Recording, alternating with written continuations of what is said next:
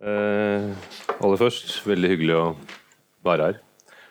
Og kunne få lov til å snakke om en tekst som eh, Ja, som jeg har arbeidet med grundig eh, de siste årene. Den er ikke lang, men eh, du verden hvor eh, sammensatt og eh, komplisert den er. Eh, det du siterte fra, Gisle, det er, det er, det er strengt tatt åpningen på det første, det som står som det første kapitlet. Aller, der det helt begynner, da, det er jo dette berømte berømte en Gespenst geht um in Europa, das Gespenst des Kommunismus, som det heter på tysk, og som jeg da oversetter med et gjenferd går omkring i Europa, kommunismens gjenferd. Og Da hører alle at det er en gjenoversettelse som er i gang, for alle forbinder jo dette med et spøkelse. Et spøkelse går rundt i Europa. Men det er altså gjenferd, så hvorfor gjenferd i stedet for spøkelse? Um, kommer tilbake til det. Men det var ikke der jeg skulle begynne. Jeg hadde tenkt å begynne helt til slutten. med slutten. Siste, siste som står i manifestet, som jo også er meget berømt. Altså proletarer aller lender vereinigt euch. Proletarer i alle land, foren dere. Det er her Marx og Engels slutter denne, denne, denne teksten. Og Hva er, hva er denne, denne, setningen, den som slutter her med et utropstegn, satt med store bokstaver? Jo, det er en oppfordring til å forene seg. En oppfordring til å inngå i en relasjon. Og en oppfordring til handling. Til å gjøre noe.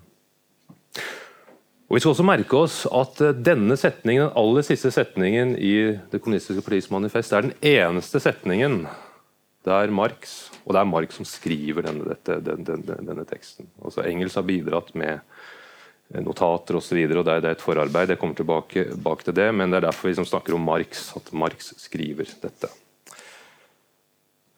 Dette er det eneste stedet i manifestet hvor Marx henvender seg direkte til proletarene. Den aller siste setningen. Det er som om eh, Marx gjennom teksten står på en scene og retter blikket mot forskjellige hold og snakker til forskjellige aktører i et stort ensemble, vil jeg kalle det. Jeg skal komme tilbake til hvorfor jeg kaller det ensemble. Ikke masse eller, eller en, en, en, helhet eller et, et, samfunn, men et ensemble. Kommer tilbake til det. Minn meg på det hvis jeg skulle glemme det ordet ensemble. Altså nå retter han blikket mot proletarene og, og kommer med denne oppfordringen om å for, forene dere. Inngå en, en, relasjon, oppfordring til handling. På sett og vis kan man si at uh, hele teksten nettopp Ordet 'hviler' er kanskje litt feil, men allikevel, hele teksten hviler på denne setningen. Eller det er, for å tenke i retoriske termer, også det er konklusjonen på et langt argument med en mengde delkonklusjoner underveis. Det er hit vi skal. For Denne setningen sier mye om hva som står på spill, og hva som foregår i, i manifestet. Det er en høyst lærd person, Karl Marx, som skriver denne teksten. Engelsk også, høyst lærd.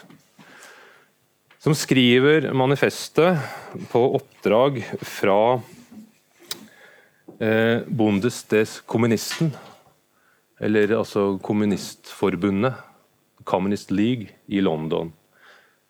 De har samlet seg der i eh, sommeren 1847, og oppdraget går da til eh, Marx og Engels om å utforme et eh, manifest. Engels har eh, laget et eget forslag som ble vraket, og da hadde hele historien sett helt annerledes ut. Den litterære så vel som den Eh, politiske eh, ideologiske, kall det marxistiske historien. Det Engels foreslår, er å lage og som han også lagde, det er det vi kan kalle en, en kommunistisk katekisme. Hvor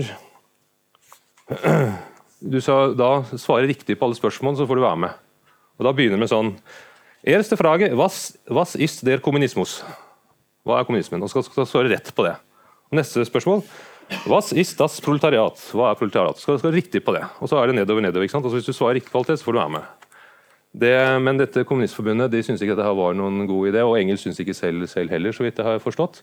Og Marx syntes det i hvert fall ikke. Dette var helt utenfor uh, hans uh, virkefelt, uh, for å si det sånn. Nei, vi, vi, det må være en annen type tekst.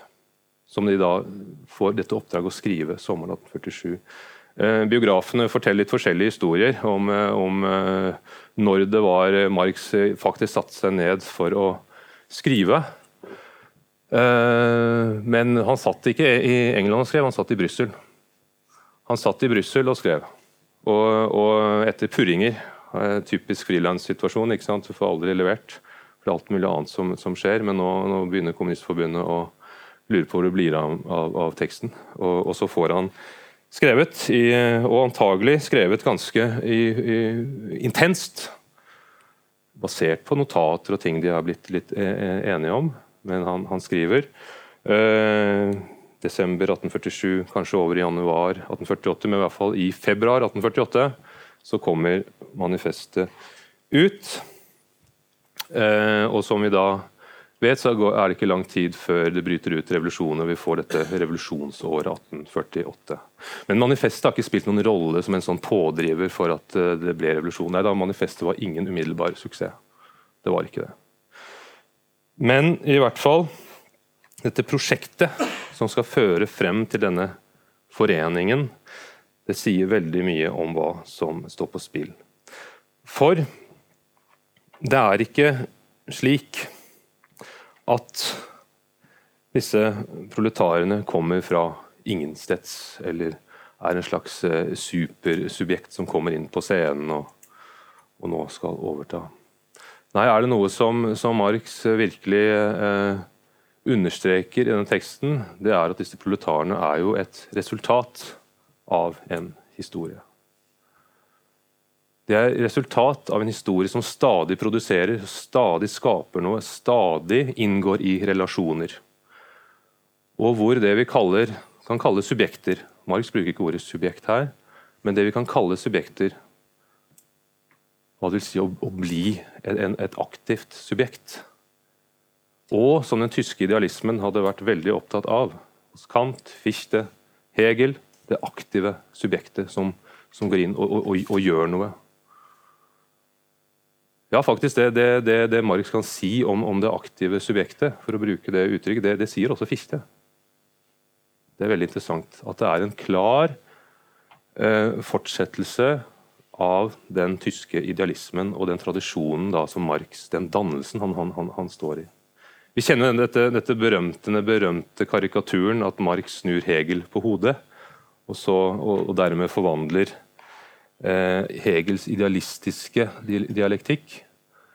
Altså en, en, tenkemåte hvor det alltid er subjektet som skuer innover i seg selv og forstår seg selv, og, og hvor, hvor, det er ideen som står, står i høysetet snur dette på hodet og dermed får frem en materialistisk dialektikk. Altså at det er de materielle vilkår som, som er, er, betingelsen for, for, eh, handling og menneskelig eh, eh, samvær og relasjoner mennesker inngår i. Men ofte, det som ofte har skjedd opp igjennom den, i den marxistiske historien, det er jo at eh, denne karikaturen er blitt tatt vel eh, bokstavelig. Altså at man ser for seg at med dette så har Marx knust idealismen. Og, eh, og, og nå er det noe som heter materialisme som, eh, som, som, som, råder. Så enkelt er det ikke. Marx videretenker den tyske idealismen i aller høyeste grad. Fordi han vil vise at dette, denne, dette, denne subjektsfilosofien som er blitt lansert, for å bruke det ordet, i den tyske idealismen, det er høyst relevant for dette, dette prosjektet. Fordi det handler om hvordan man blir. Eh, og hvordan man eh, kan evne å, evne å handle. Og Her snakker han altså til, helt til slutt i manifestet, til disse proletarene. Foren dere. Gå sammen. Fordi det er sammen, i relasjon, at vi kan vinne frem det som blir frihet og rettferdighet osv. For, for, for den enkelte.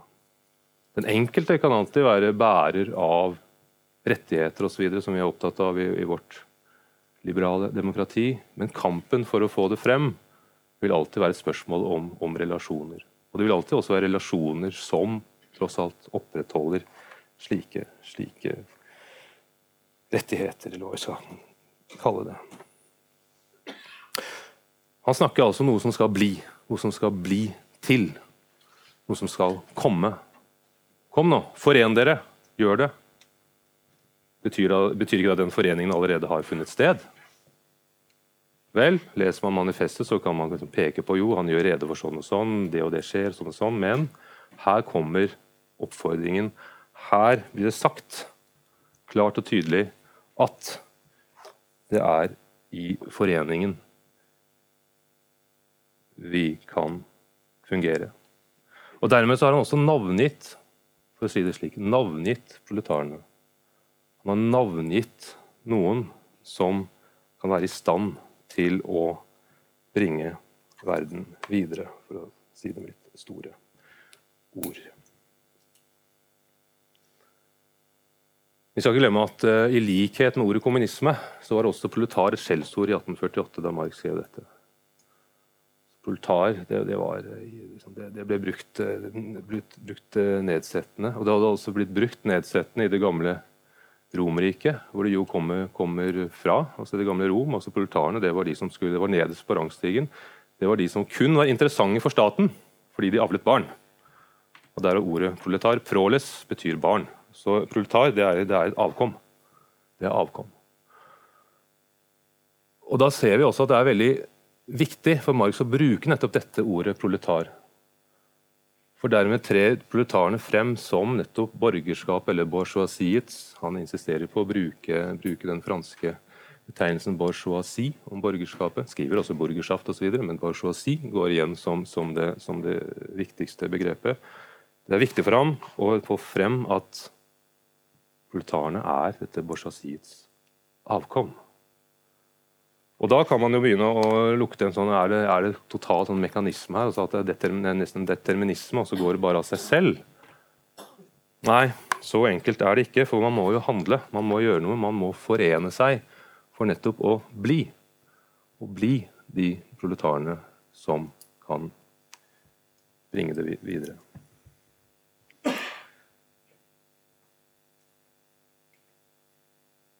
Men det var litt om slutten, før vi hadde tatt begynnelsen.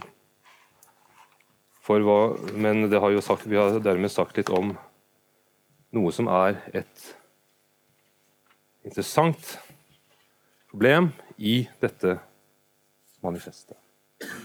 For hva er det Marx skriver om?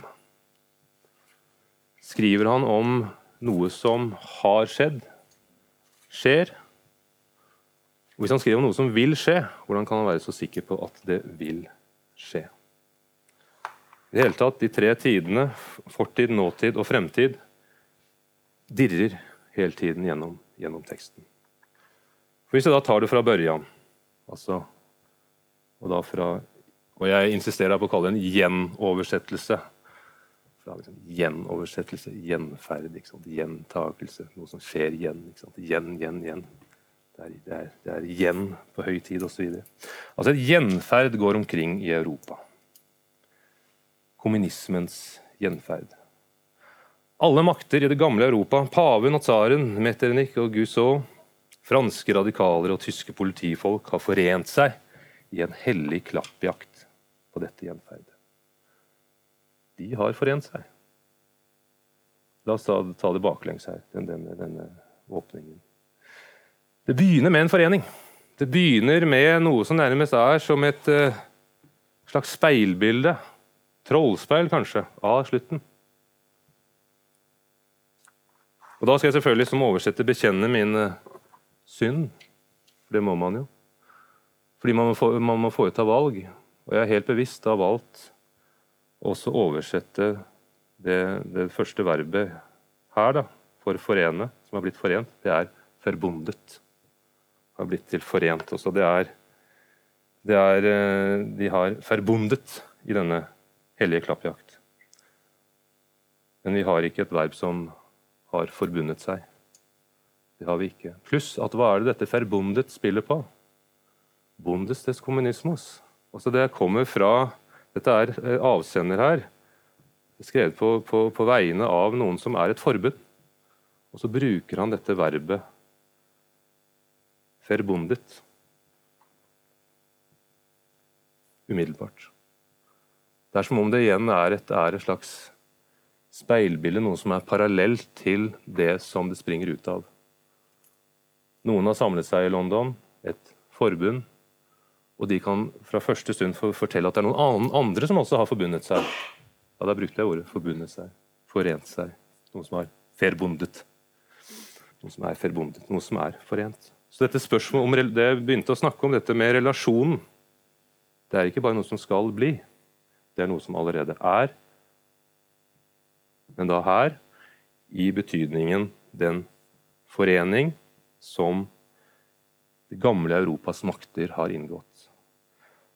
Paven og tsaren, Metternich, Gussot, franske radikale og tyske politifolk. Altså Paven og tsaren de har vi jo for så vidt et forhold til, men altså Metternich, også denne østerrikske kansleren, Gussot, en, en, en, fransk historiker, politiker, og som vel da, nettopp i, når dette utgis, fortsatt er en minister i, i, i Frankrike. Eh, altså navn. Det blir som å si altså I dag ville vi sagt eh, paven og tsaren, eh, Hillary Clinton og, og, og, Putin, hadde vi sagt i dag. ikke sant? Og, dette, og vi ville selvfølgelig funnet det svært eh, en slags skjebnens ironi at det blir skrevet i Brussel, altså i, i, hovedstaden til, til, eh, til, det gamle Europas makt i, i dag. Det skulle han visst der han satt i Brussel og skrev så han svettet at her, det er nettopp denne byen som skulle bli hovedstaden til det nye, gamle Europa en gang i, i, i fremtiden. Så Spørsmålet om forening, at det er i forening det skjer, det ligger allerede fra første stund. Og så hvor finnes opposisjonspartiet de regjerende motstanderne ikke ville fordømt som kommunistisk?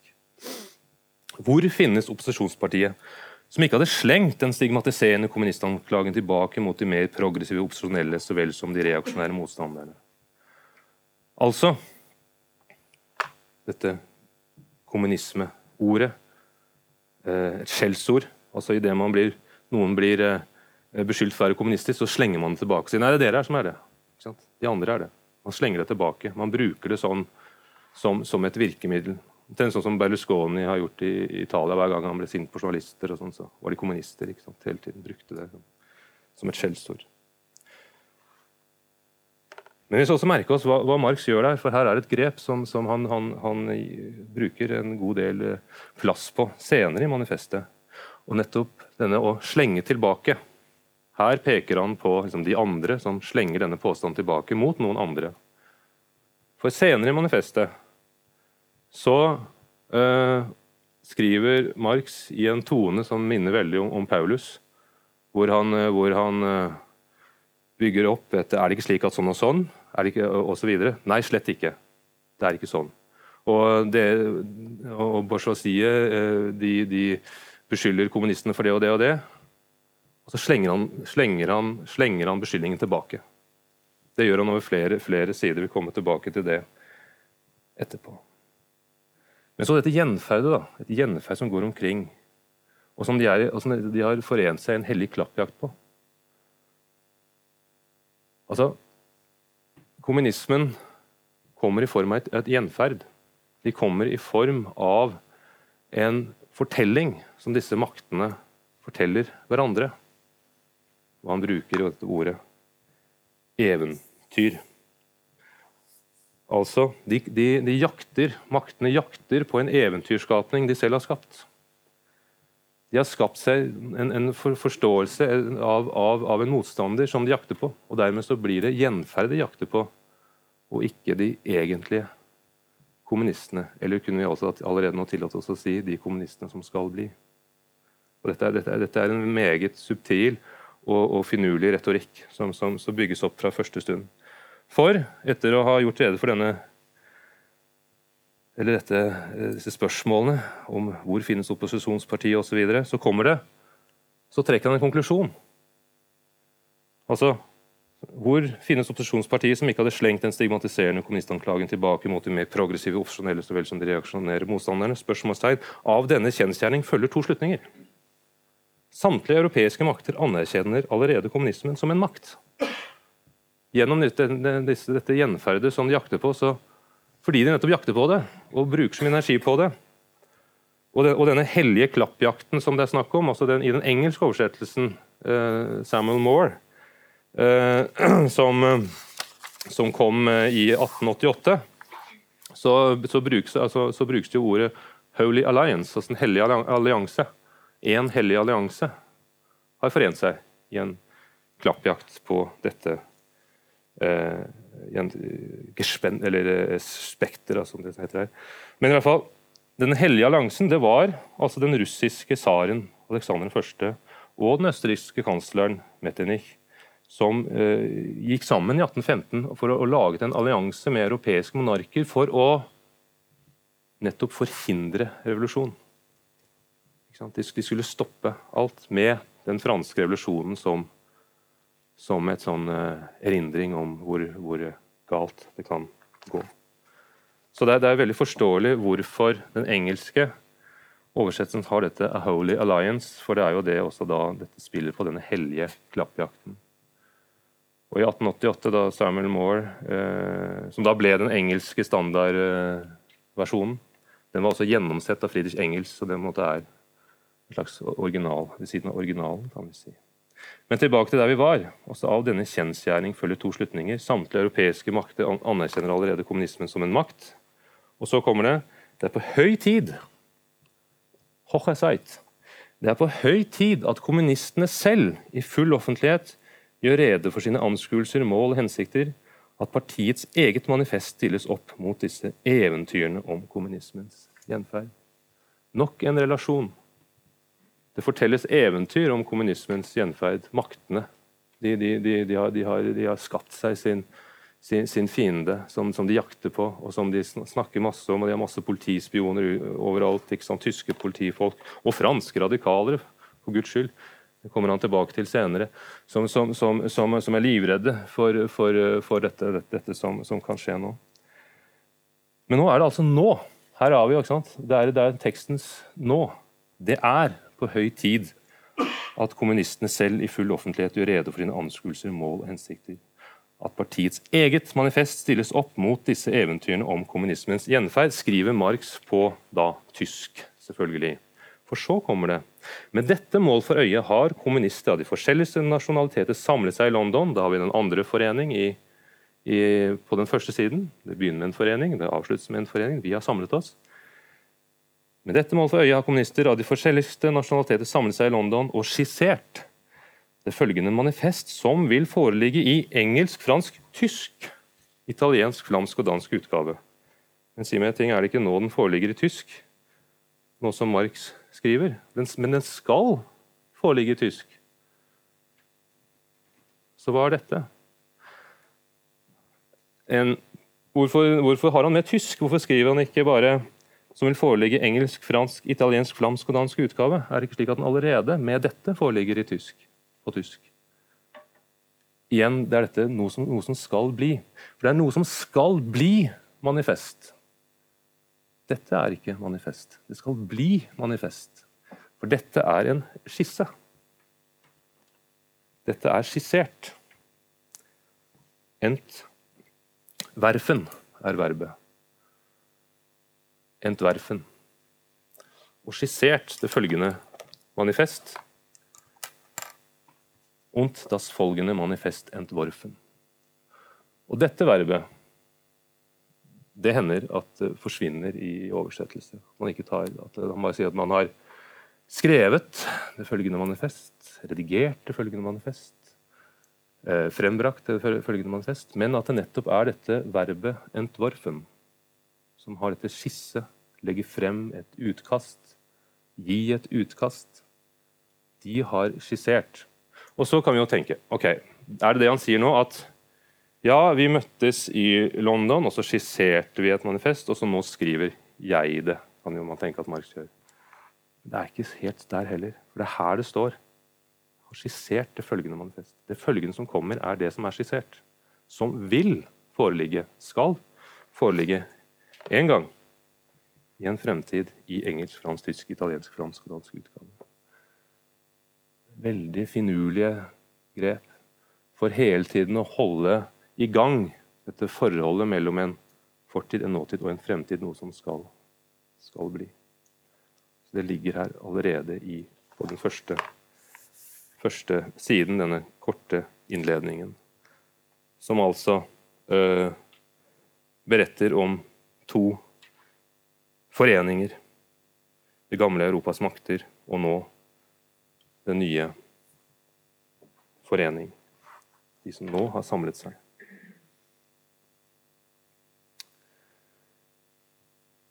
Og at det er kommunister av de forskjelligste nasjonaliteter som har samlet seg. Som vi senere skal se, så er nasjonene, og dermed nasjonalitetene, allerede oppløst, ifølge Marx. Eller vil bli oppløst. Vi må stadig ha dette her i tankene, og det er rett og slett verbtiden. Så hvordan, hvordan Marx holder seg til språket, og hvordan han bruker verbene. For at Marx skriver at noe har skjedd At noe har skjedd, peker tilbake og sier at det har skjedd. Det kan bety i, i flere partier at noe vil skje, eller skal skje. Og Når han sier at noe skjer nå, når han gir en beskrivelse av hvordan arbeiderne nå er i ferd med å, med å organisere seg og, så videre, og gjennomgår faser, og så først kjemper den enkelte arbeider mot den fabrikkeier som utbytter ham direkte. Så kjemper altså den enkelte alene, en, en ensom kamp. Så går man sammen på fabrikken, kjemper sammen på den enkelte fabrikk. Så begynner man å danne koalisjoner fabrikkene imellom. ikke sant? Som, det, som beskrives nærmest som at dette er som noe som bare finner sted. Det, det skjer. Men igjen så må, så må, vi tenke er det da et spørsmål om noe som må finne sted. Som må bli, nettopp bli manifest, manifestere seg. I den fremtiden der skissen er blitt manifest. For å legge frem en skisse, hva, hva innebærer å legge frem en skisse? Er ikke det å legge frem et forslag? Og hvem skal da si ja eller nei til forslaget? Alt står på spill. Det her er svært viktige ting å tenke grundig gjennom når man leser eh, manifestet. Og det er derfor jeg også ville kalt dette foredraget for 'Å lese kommunistiske partis manifest'. Som selvfølgelig, det å oversette det, da er også en måte å, å lese det på. fordi da må man hele tiden treffe disse valgene. Hvordan skal jeg forstå dette verbet? Og osv. Og, og, og, og uh, se hvordan disse sammenhengene enten blir veldig tydelige, eller, eller eventuelt man kan gjette seg frem til dem.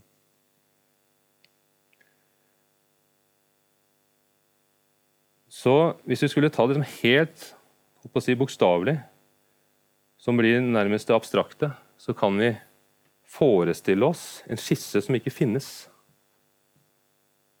En slags original. Og at det er de forskjellige kommende utgavene, altså engelsk, fransk, tysk, italiensk, flamsk og dansk utgave, som er det som blir manifest. Det som blir håndgripelig, som jo er en betydning av det som er manifest. Men vi trenger kanskje ikke å, å gjøre det så, så, så lekende og, og, og, elegant, for å si det sånn. Det er et poeng å se at det er, det er det det står her. At det er et slags et vi som skriver og som sier vi har skissert det følgende. Og det vil bli noe i det kommende. Og Dette her er jo en retorisk balansegang som selv ikke, tør jeg påstå, Nietzsche klarte å overgå. For Hvis det er slik at det som har skjedd, er et, er et fremtidig har skjedd er det, er det ikke da slik at vi er blitt kastet inn i utopien? Og det på en eh, ganske så listig måte. Og utopien Og er det noe Marx forkaster, så er det jo nettopp utopien. Nei, det skal ikke være utopi heller. I den tredje delen i manifestet, det heter sosialistisk og kommunistisk litteratur, så møter vi ja, kall det litteraturkritikeren Karl Marx. Nådeløs kritiker. Han da, tar da for seg det som frem til da er si, den dominerende sosialistiske og kommunistiske litteraturen. Proudhon, Sismondi osv. Hva gjør han? Han går gjennom det og sier at det holder ikke. Kaster det. Ikke minst pga. at det er utopisk, virkelighetsfjernt osv. Så denne Marx som vraker utopien, berører noe som vi vanskelig kan unngå å betrakte som noe utopisk. Ved at det stadig er en, en, en, en henvendelse noe som skal bli manifest.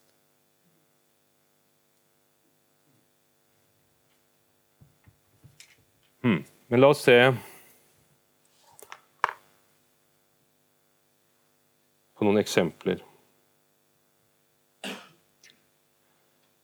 Jeg nevnte dette med å slenge tilbake. At han kaster, eh, kaster disse eh, Kaster argumenter tilbake. Det det kommer eh, et stykke ut i, eh, i, eh, i teksten i det andre kapitlet, som heter 'Proletarer og kommunister'. Proletar og kommunister igjen, altså det, det, det understreker et forhold, en relasjon. Hvor han da i det første kapitlet har altså hvor det er bourgeois og, og, og, og, proletar, hvor han gjør rede for den, den eh, borgerlige historien. Altså dette med, som Gisle nevnte, altså alle, all historie frem til nå, altså, videre, Klasse, klassekamper. Og viser at alt har vært et spørsmål om øh, hvordan øh, forskjellige regimer øh, sprenger de forhold det selv produserer under. Altså det, det, det, de, de har stadig vært en en, en, eh, noe som går igjen i historien, holdt på, si, holdt på å si som et gjenferd, at de forhold man produserer under, blir for trange for selve produksjonen. Og så Dermed så kunne, kunne da borgerskapet, som i sin tid eh, produserte og, og, og, tjente da, kan man si, under føydalherrene, de, de, kunne etter hvert overta det hele fordi de lå på en måte foran det var de som produserte, det var de som skapte, skapte verden. Igjen dette å produsere eh, og, og, og, og, skape. Og Dermed så, så ble den føydale verden sprengt i, i, i luften. Og eh, hvem er det som først blir eh, da beskrevet som en virkelig revolusjonær klasse i manifestet? Jo, det er jo borgerskapet. De har, som jeg skriver, eh, de har gjennom historien spilt en høyst revolusjonær rolle. Og Det er ikke for ingenting at Hanne Arnt i sin tid eh, betraktet manifestet som en hyllest til borgerskapet. Fordi borgerskapet har frembrakt de største underverker som noensinne er blitt frembrakt. Men som i sitt jag etter mer, mer, mer stadig overside alle mulige grenser og hele tiden det profittjag. Og det er jo nå det er bare fristende å si at ja, sånn som det er i dag, så er det hele tiden at, at de underminerer og sprenger de rammene som er blitt satt for produksjonen, som gjør at noe annet begynner å virke. Men så var det dette med å slenge eh, slenge eh, beskyldningene tilbake. For det er da et, stykke, et lite stykke ute i det andre kapitlet at Marx på sin scene henvender seg direkte til borgerskapet, bourgeoisiet, begynner å snakke til dere. Og Da høres det sånn ut. Man har beskyldt oss kommunister for at vi vil avskaffe eiendom som er blitt ervervet gjennom eget arbeid. Eiendom som danner grunnlag for all personlig frihet, virksomhet og selvstendighet. Eiendom ervervet og ærlig fortjent gjennom eget arbeid. Snakker dere om den småborgerlige eiendom, småbondens eiendom, som tilhørte tiden før den borgerlige eiendom? Denne eiendommen trenger ikke vi avskaffe. Industriens utvikling har avskaffet den og avskaffer den daglig. Eller snakker dere om den moderne borgerlige privateiendom? Men eh, skaper ikke lønnsarbeidet det proletariske arbeid eiendom for proletaren? Slett ikke. Lønnsarbeidet skaper kapital, dvs. Si eiendom som utbytter lønnsarbeid, eiendom hvis betingelse for vekst utelukkende består i at den avler frem nytt lønnsarbeid som den igjen kan utbytte. Eiendom i sin nåværende form grunner seg på motsetningsforholdet mellom kapital og lønnsarbeid. Og, og slik holder han på eh, over flere sider.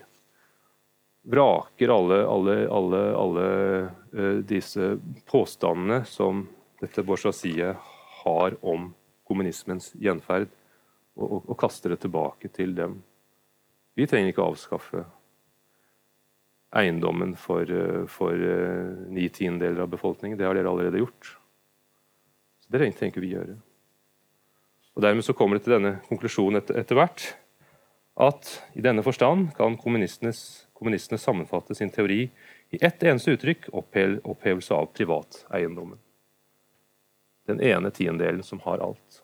Den må oppheves, for den betyr at ni tiendedeler lever under helt forferdelige kår. Og det er ikke til å komme forbi at det er en høyst moralsk Marx som skriver. Til tider han kan bruke ord som despoti osv. Det, er, det er noe som er riv ruskende, riv ruskende galt. Og så jeg ikke glemmer det, ettersom jeg nevnte at jeg skulle komme tilbake til det, dette med nasjonaliteten.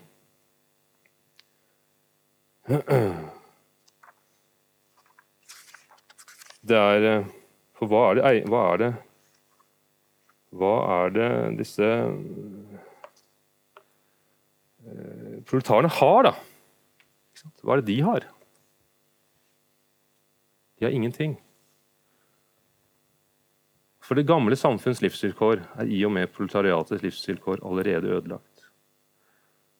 Proletaren er eiendomsløs. Hans forhold til kone og barn har ikke lenger noe til felles med de borgerlige familieforhold.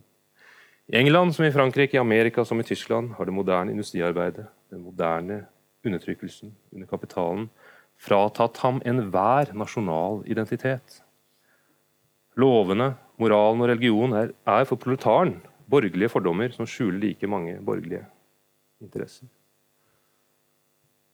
Han sier til borgerskapet dere forferdes over at vi vil avskaffe nasjonen, nasjonaliteten. Proletaren har, ingen, har ikke noe fedreland, og man kan ikke ta fra ham noe han ikke har.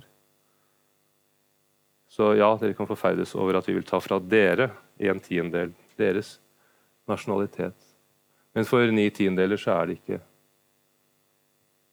noe nasjonalitet å eie. Så man kan ikke ta fra meg noe man ikke har. Så igjen som et apropos til dette, dette innledningsvis, at det er kommunister av de forskjelligste nasjonaliteter som har samlet seg. Igjen er det slik at disse nasjonene allerede, det nasjonale allerede er blitt oppløst, eller er det noe som vil komme?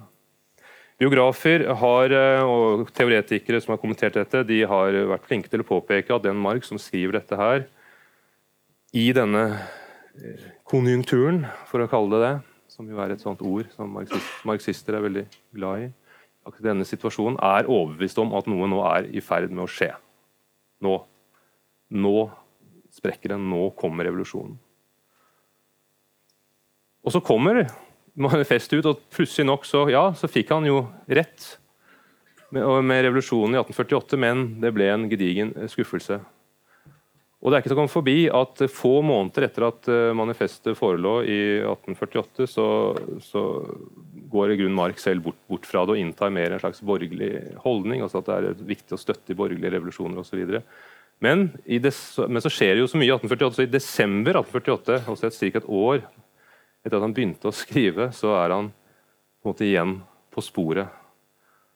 Og, og begynner igjen å tenke mot det som da etter hvert blir eh, kapitalen osv. Og, så og selvfølgelig i kompanistaskap med eh, sin gode venn Friedrich Engels, som jo hadde penger. Det er jo også en, en slags ironi. Det handler jo veldig mye om eh, hva manufakturen osv. at det har, har, har, bidratt til her. og og, og, hvordan eh, kapitalen osv. Eh, fungerer. Eh, på en heller ubra måte. Men det er ikke til å komme forbi at, at denne frilanseren Marx for si sånn, kunne, forfulgt som han var og ble utvist osv., kunne eh, fungere, da, fattig som han var. Det var jo at eh, Faren til Engels var jo man manufakturfabrikant, slik at det stadig var penger. Så det er jo ganske, det er ganske morsomt da, at, at liksom stipendet kommer fra kapitalismen. Så det er, det er, det er skrevet eh, Kapitalen osv. Er, er, er skrevet med, med sponsing fra via, via fra, fra, det som analyseres. Så det, så det, er virkelig hvordan penger blir satt i, i, i, en, i en, en, sirkulasjon. Men i hvert fall Jeg vil regne med at det er noen spørsmål og, og kommentarer, så jeg skal snart åpne, åpne for det. Eh, jeg nevnte jo eh, det tredje kapitlet, hvor Marx eh, foretar gjennomgang av foreliggende, altså det litteratur, kommunistisk, sosialistisk litteratur frem til da, og, og avviser det.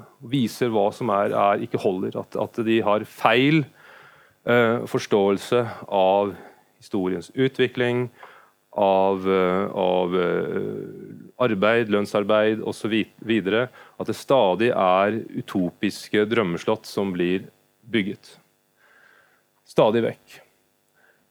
Og Som jeg innledet med å si, dette med spørsmål om relasjoner, altså hvordan det, hvordan det å bli subjekt, det å, det å, å opptre i en verden der det ikke er slik at du er en, eh, en suveren som kommer inn fra ingensteds og dermed vet alt, Eh, og, og, og, slik er i stand til å forandre verden fordi du er en slags supermenneske, så er det snarere tvert imot slik at det vi kaller menneskelig essens, hvis du skulle bruke det uttrykket, det hva er menneskelig essens, så er det stadig et spørsmål om de relasjoner mennesker inngår med hverandre og tingene, og arbeidet osv. Altså, vi blir stadig mennesker i relasjon med andre. Og Det er det som også er poenget at disse proletarene som Marx eh, navngir og beskriver, de blir proletarer nettopp i en slik relasjonell sammenheng. Og Da er det snakk om relasjoner hvor, hvor, hvor, som er helt avhengige av hverandre. For det, det er En av Marx' kritikk mot uh, tysk filosofi og idealisme, det er at de har abstrahert. De har abstrahert, tatt ut den ene delen. F.eks. bare tatt ut jeget uten å se jeget i sammenheng med andre jeg og, og, og, og verden, verden, rundt. Altså Disse proletarene han snakker om, inngår i ja, et motsetningsforhold til borgerskapet. Man kan ikke ta det ene bort for å, for å, forklare det andre. Det må forklares relasjonelt. Og Det er noe som igjen, går igjen og igjen i hans kritikk av eh, andre. At de ikke forstår at man må se det relasjonelle. Jeg holdt på å si som i et uh, kjærlighetsforhold. ikke sant? Det er, det, er, det, er, det, er, eh, det er, snakk om flere. Minst to. Ikke sant? man, kan ikke, man kan ikke ta ut den ene og bare snakke om den ene. Det er alltid noe som inngår i relasjoner. Og slik inngår alt i relasjoner med alt. Produksjon, eh, ting som blir laget, som, som virker tilbake på, på, på menneskene bare så hvordan han forbilder viser at eh, det at eh, jernbanen kommer, Det er til gagn for som er, sant, en borgerlig oppfinnelse for for, for å, berike og sette ekstra fart på den borgerlige produksjonen, som gjør at mange blir kastet ned i proletariatet, for det gjør at mange, mange mister, uh, mister uh, sitt levebrød som håndverker osv. Dette er også andre som skriver om andre steder.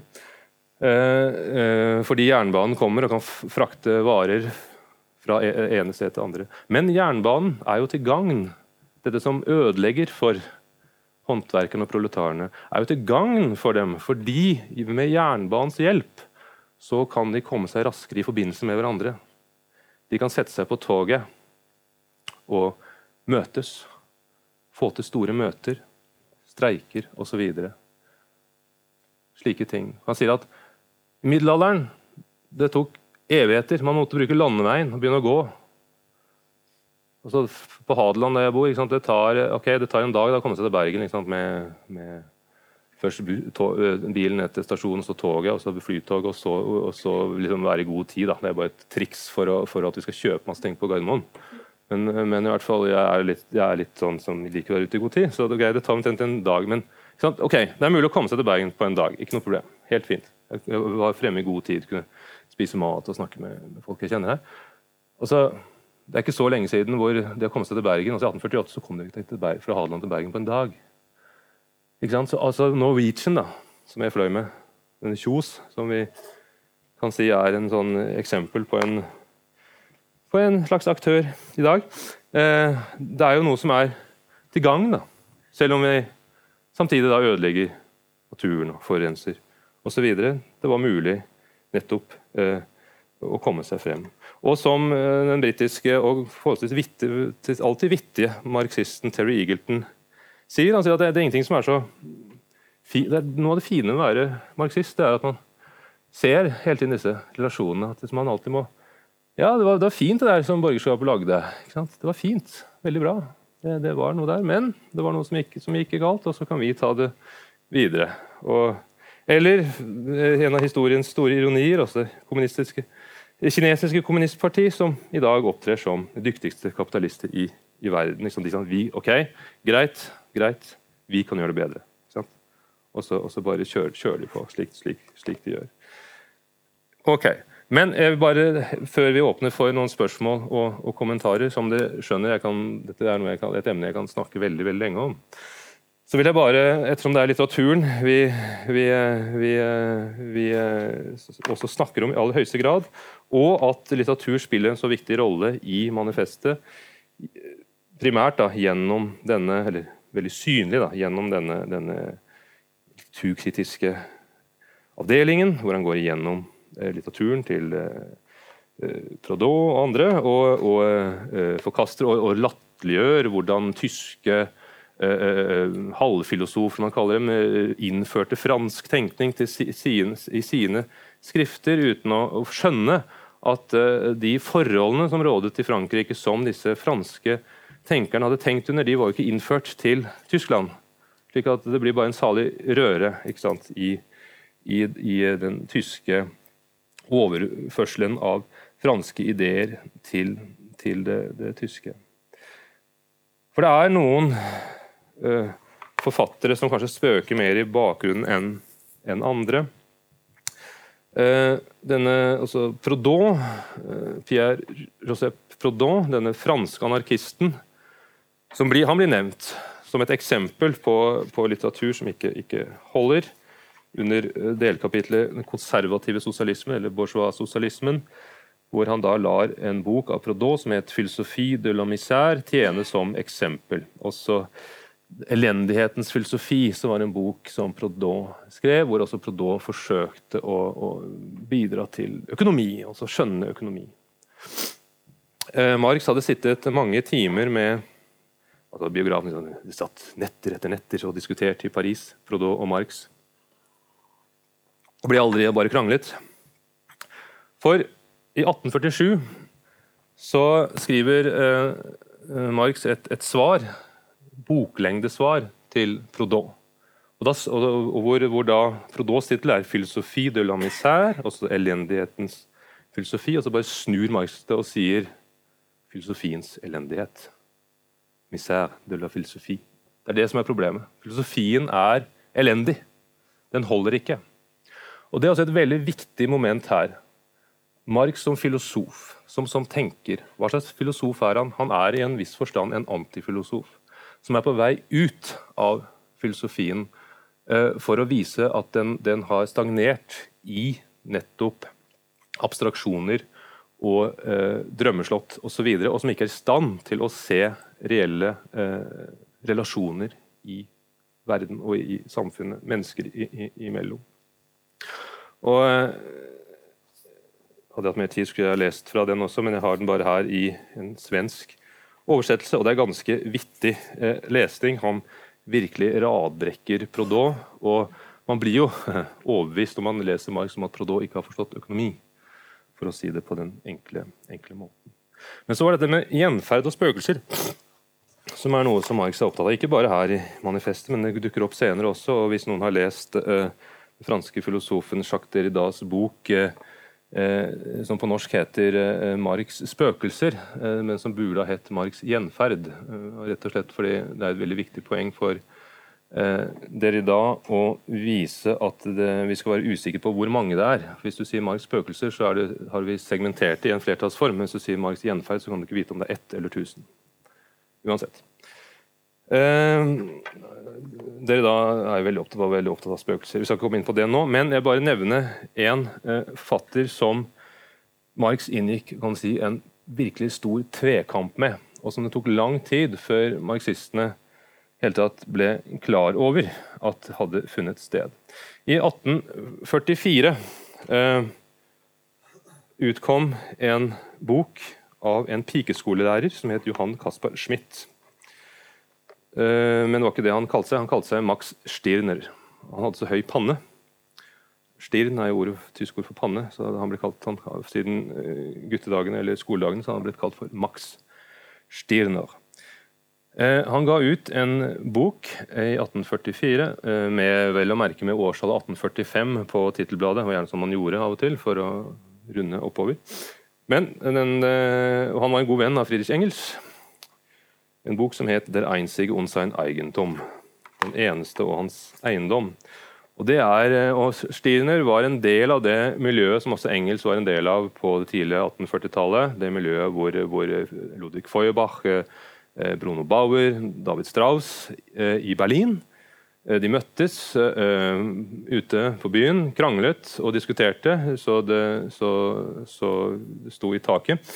Og Det finnes berømte tegninger som Engels har gjort, av to stykker i hvert fall, av Stirner. Det ene hvor det viser ham i midten, i sentrum for en debatt. Han står liksom, liksom i bakgrunnen og, og, og, røyker med sin høye panne, mens de andre virkelig krangler, eh, og en senere tegning som han tegnet mot slutten av livet, eh, av Stirner i, i, i profil. Men uansett, Stirners bok den skapte kaos. Fordi frem til da, eller sånn rundt 1841-42, så er det liksom Ludvig Feuerbach som er den store. Det er disse unghegelianerne eller venstrehegelianerne som, som virkelig skal gå inn for å, å, å det er jo religionskritikken som er utgangspunktet. Feuerbachs tese er ganske enkelt slik, veldig kort, at det eh, mennesker kaller Gud, er projisert idealitet. Altså Vi projiserer menneskelige egenskaper over til en forestilt fiktiv eh, himmel, eh, og har skapt oss guder som egentlig er eh, bilder av oss selv. Og Dette blir litt karikert, for jeg skal begynne å skynde meg litt. Men i hvert fall eh, Feuerbachs argument er at ved å, ved å, innse dette, og ved så å si trekke disse gudeliggjorte idealene igjen ned på bakken, så vil eh, mennesker kunne overvinne kristendommen og, eh, og, alt som har med religion og ja, idealisme å gjøre. Dermed så vil de se at alt foregår i den materielle virkelighet osv. Så, videre, så kommer Stirner og sier at dette holder ikke. Det holder ikke. Helt tatt, for det, den den, det mennesket med stor M som da skal, frem, skal springe frem fra denne, som en konsekvens av denne, øh, denne uh, avmytologiseringen, det blir bare en ny religion. Det blir en menneskereligion. Det blir en humanisme som, som, eh, hvor mennesket med stor M blir noe utenfor mennesket. Så kommer Stine og sier 'bort, bort med alt'. Bort, bort med alt. Og, og, og Han kaller det nettopp for 'spukk und gespenst' osv. Han sier at 'Mensch es spukt in deinem Kopfe'. Du hast einen Sparren sofil. Menneske, det spøker i hodet ditt. Du har en skrue løs. Bort med alt. Bort med kongen, fedrelandet, fedrelandskjærligheten, eh, eh, eh dette ønsket om å dø for sitt fedreland osv. Bort med alt sammen. Det er bare fantasifoster inni hodene våre. Og det eneste som vil da være igjen, er det enkelte egoet. Det enkelte egoet. Alt er fantasier som, som, vi, som vi, tar for å være virkelighet osv. Der Einzige, denne boken er på eh, Førsteutgaven er på 491 eh, forholdsvis tette sider. Karl Marx leser denne boken oppfordret av sin venn Friedrich Engel, som blir veldig imponert og veldig han er veldig betatt av Stirner, den unge, unge Friedrich, og sier at hør her, Karl, eh, liksom, Han skriver et brev til, til Karl Marx i november 1844. Han sier at vi må jo bare innse at vi, vi er jo egoister også. Det er jo en egoistisk grunn til at vi blir kommunister. Vi vil ha bort alt dette, alle disse spøkelsene osv. Så, så skal vi se den enkelte, og videre, og og så skal vi slutte oss sammen. Så Stien har et poeng. Så leser Marx boken, og det er noe som er i ferd med å skje. for Han skriver en anmeldelse av boken, og den er på da, 491 sider, som er lengre, lengre, lengre, lengre. Men noe skjer. Den blir aldri publisert. Han legger det vekk. Og så har han sittet og skrevet en bokanmeldelse på 500 sider, og vel så det, som han legger vekk. Og som først ble kjent i 1903, men så ble eh, for alvor offentliggjort i, først i 1932 som en del av det som jeg kaller Marx og Engels store post mortem-utgivelse, nemlig De Deutsche ideologi. Og Det er mange år her hvor, hvor ingen har ant noen ting. Stirene selv får aldri vite at, at Karl Marx har, har, dissekert boken hans på den måten han gjorde. Eh, og det er egentlig ganske få i Marx-forskningen som har vært noe særlig opptatt av dette forholdet mellom Marx, og Stiner. Altså dette tekstlige, intellektuelle forholdet. For ganske kort, her er det noe som som angår Marx. Mark, altså Stirner lø, løsriver er med på å løsrive Marx' tenkning fra Feuerbach og denne humanismen. Det er nettopp også i 1845, i denne samme momenten, at han skriver disse berømte Feuerbach-tesene, hvor han nettopp da skriver i den siste tesen at filosofene frem til nå har kun fortolket, eller interpretert, verden, fortolket verden, men det det avhenger av, er å forandre den. En forsker som 50-, 60-, 70-tallet som het Henri Avon Han var egentlig tysker, het, het Hans Aptekmann, men tok navnet Henri Avon. Ble veldig opptatt av dette etter at eh, det da selvfølgelig på den tiden var, veldig, var publisert den tyske ideologien. Opptatt av dette forholdet mellom Stiner og Marx. Hvorfor blir Marx opptatt av denne denne Ghostbuster fra, fra, Berlin som vil kvitte seg med, med, alt.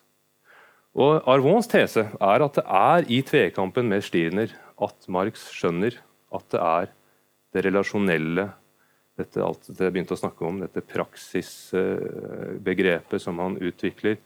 At, at, vi må ut av denne abstrakte humanismen.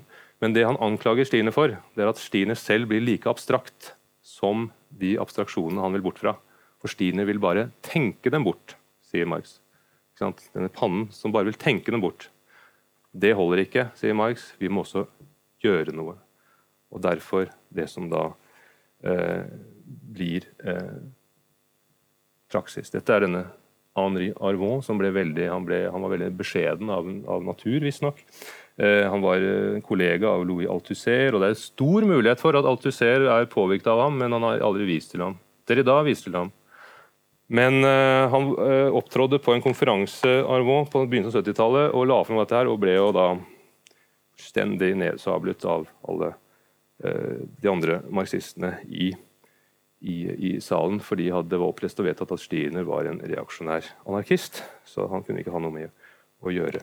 Men i hvert fall, det å forsøke å tenke bort noe, det det, det, det, holder ikke bare å tenke det bort, man må også, også gjøre noe. Innse hva som er årsakene til alle disse, disse fiksjonene som Stiener peker på. Hva er årsakene til at menneskene tror på noe som ikke er reelt, osv. Eller, eller tar, eh, er villig til å oppofre seg, osv. For Stiner, slik Marx ser ham, og, Stiner, og, og Marx er jo vittig og kaller han for det, det, Sankt Max, altså den hellige Max osv. Liksom, og gjør et veldig sånn nummer ut av at han blir en like abstrakt størrelse. Men for, eh, for eh, eh, For Marx så blir det da ikke nok. For dette er også et viktig poeng. for det er ofte at Vi tenker at dette som vi kaller ideologikritikk, det er bare som å se at, å peke på all, all den falske bevisstheten rundt omkring. Og alle tar feil. Mens vi, vi marxistene eller kommunistene eller anarkistene, vi, vi vet alt. Nei, altså det, er ikke, det er ikke sånn Marx tenker. Poenget er at disse fiksjonene, for å bruke det uttrykket, og disse, og disse abstraksjonene. Det fungerer jo i verden. Folk, folk, folk, har fedrelandskjærlighet. Og, og, og, og handler ut ifra det osv. Det fungerer, og da må man lete etter årsakene til alle disse merkelige ideologiene som oppstår. Og Da er jo da Marx sitt svar at årsakene ligger da i splittelsene mellom folk. Splittelsen mellom borgerskap og proletariat. Og Da kan du gi proletariatet religion og, og flotte, flott, flott, ideologi som kan gjøre at, kan være, at, at, borgerskapet kan være i stand til å aktivisere dem og, og bruke dem i, sin, sin tjeneste osv. Det er ikke til å komme forbi at Marx gjennom sin karriere han går jo på den ene skuffelse etter den andre. Altså, det han skriver om det, det, det, liksom, det skjer ikke helt. Det, det blir Pariserkommunen 1871. Det, det, det ble nederlag der også, gitt. Men pussig nok så er det nettopp etter Pariserkommunen at manifestet, som jeg ble sagt innledningsvis, det var ikke noen umiddelbar bestselger, mulig det blir det i dag, men i, i 1872, altså like etter Pariserkommunen, det er da manifestet virkelig kommer ut i verden, for å si det sånn. Fordi da er det Paris kommune igjen. Det, det, det, det skjer, det er den redselen for revolusjon. Så er det en øst, østerriksk uh, krig mot, mot uh, Frankrike. Og uh, i, i, i, Da er det to sosialdemokrater i, i, Bismarcks verden som, som, som, blir tiltalt for å være landssvikere fordi de er opponert mot, mot krigen mellom det tyske og det franske. Så de blir trukket for retten. Og da graver de frem manifestet. De graver frem manifestet for å føre som, som bevis.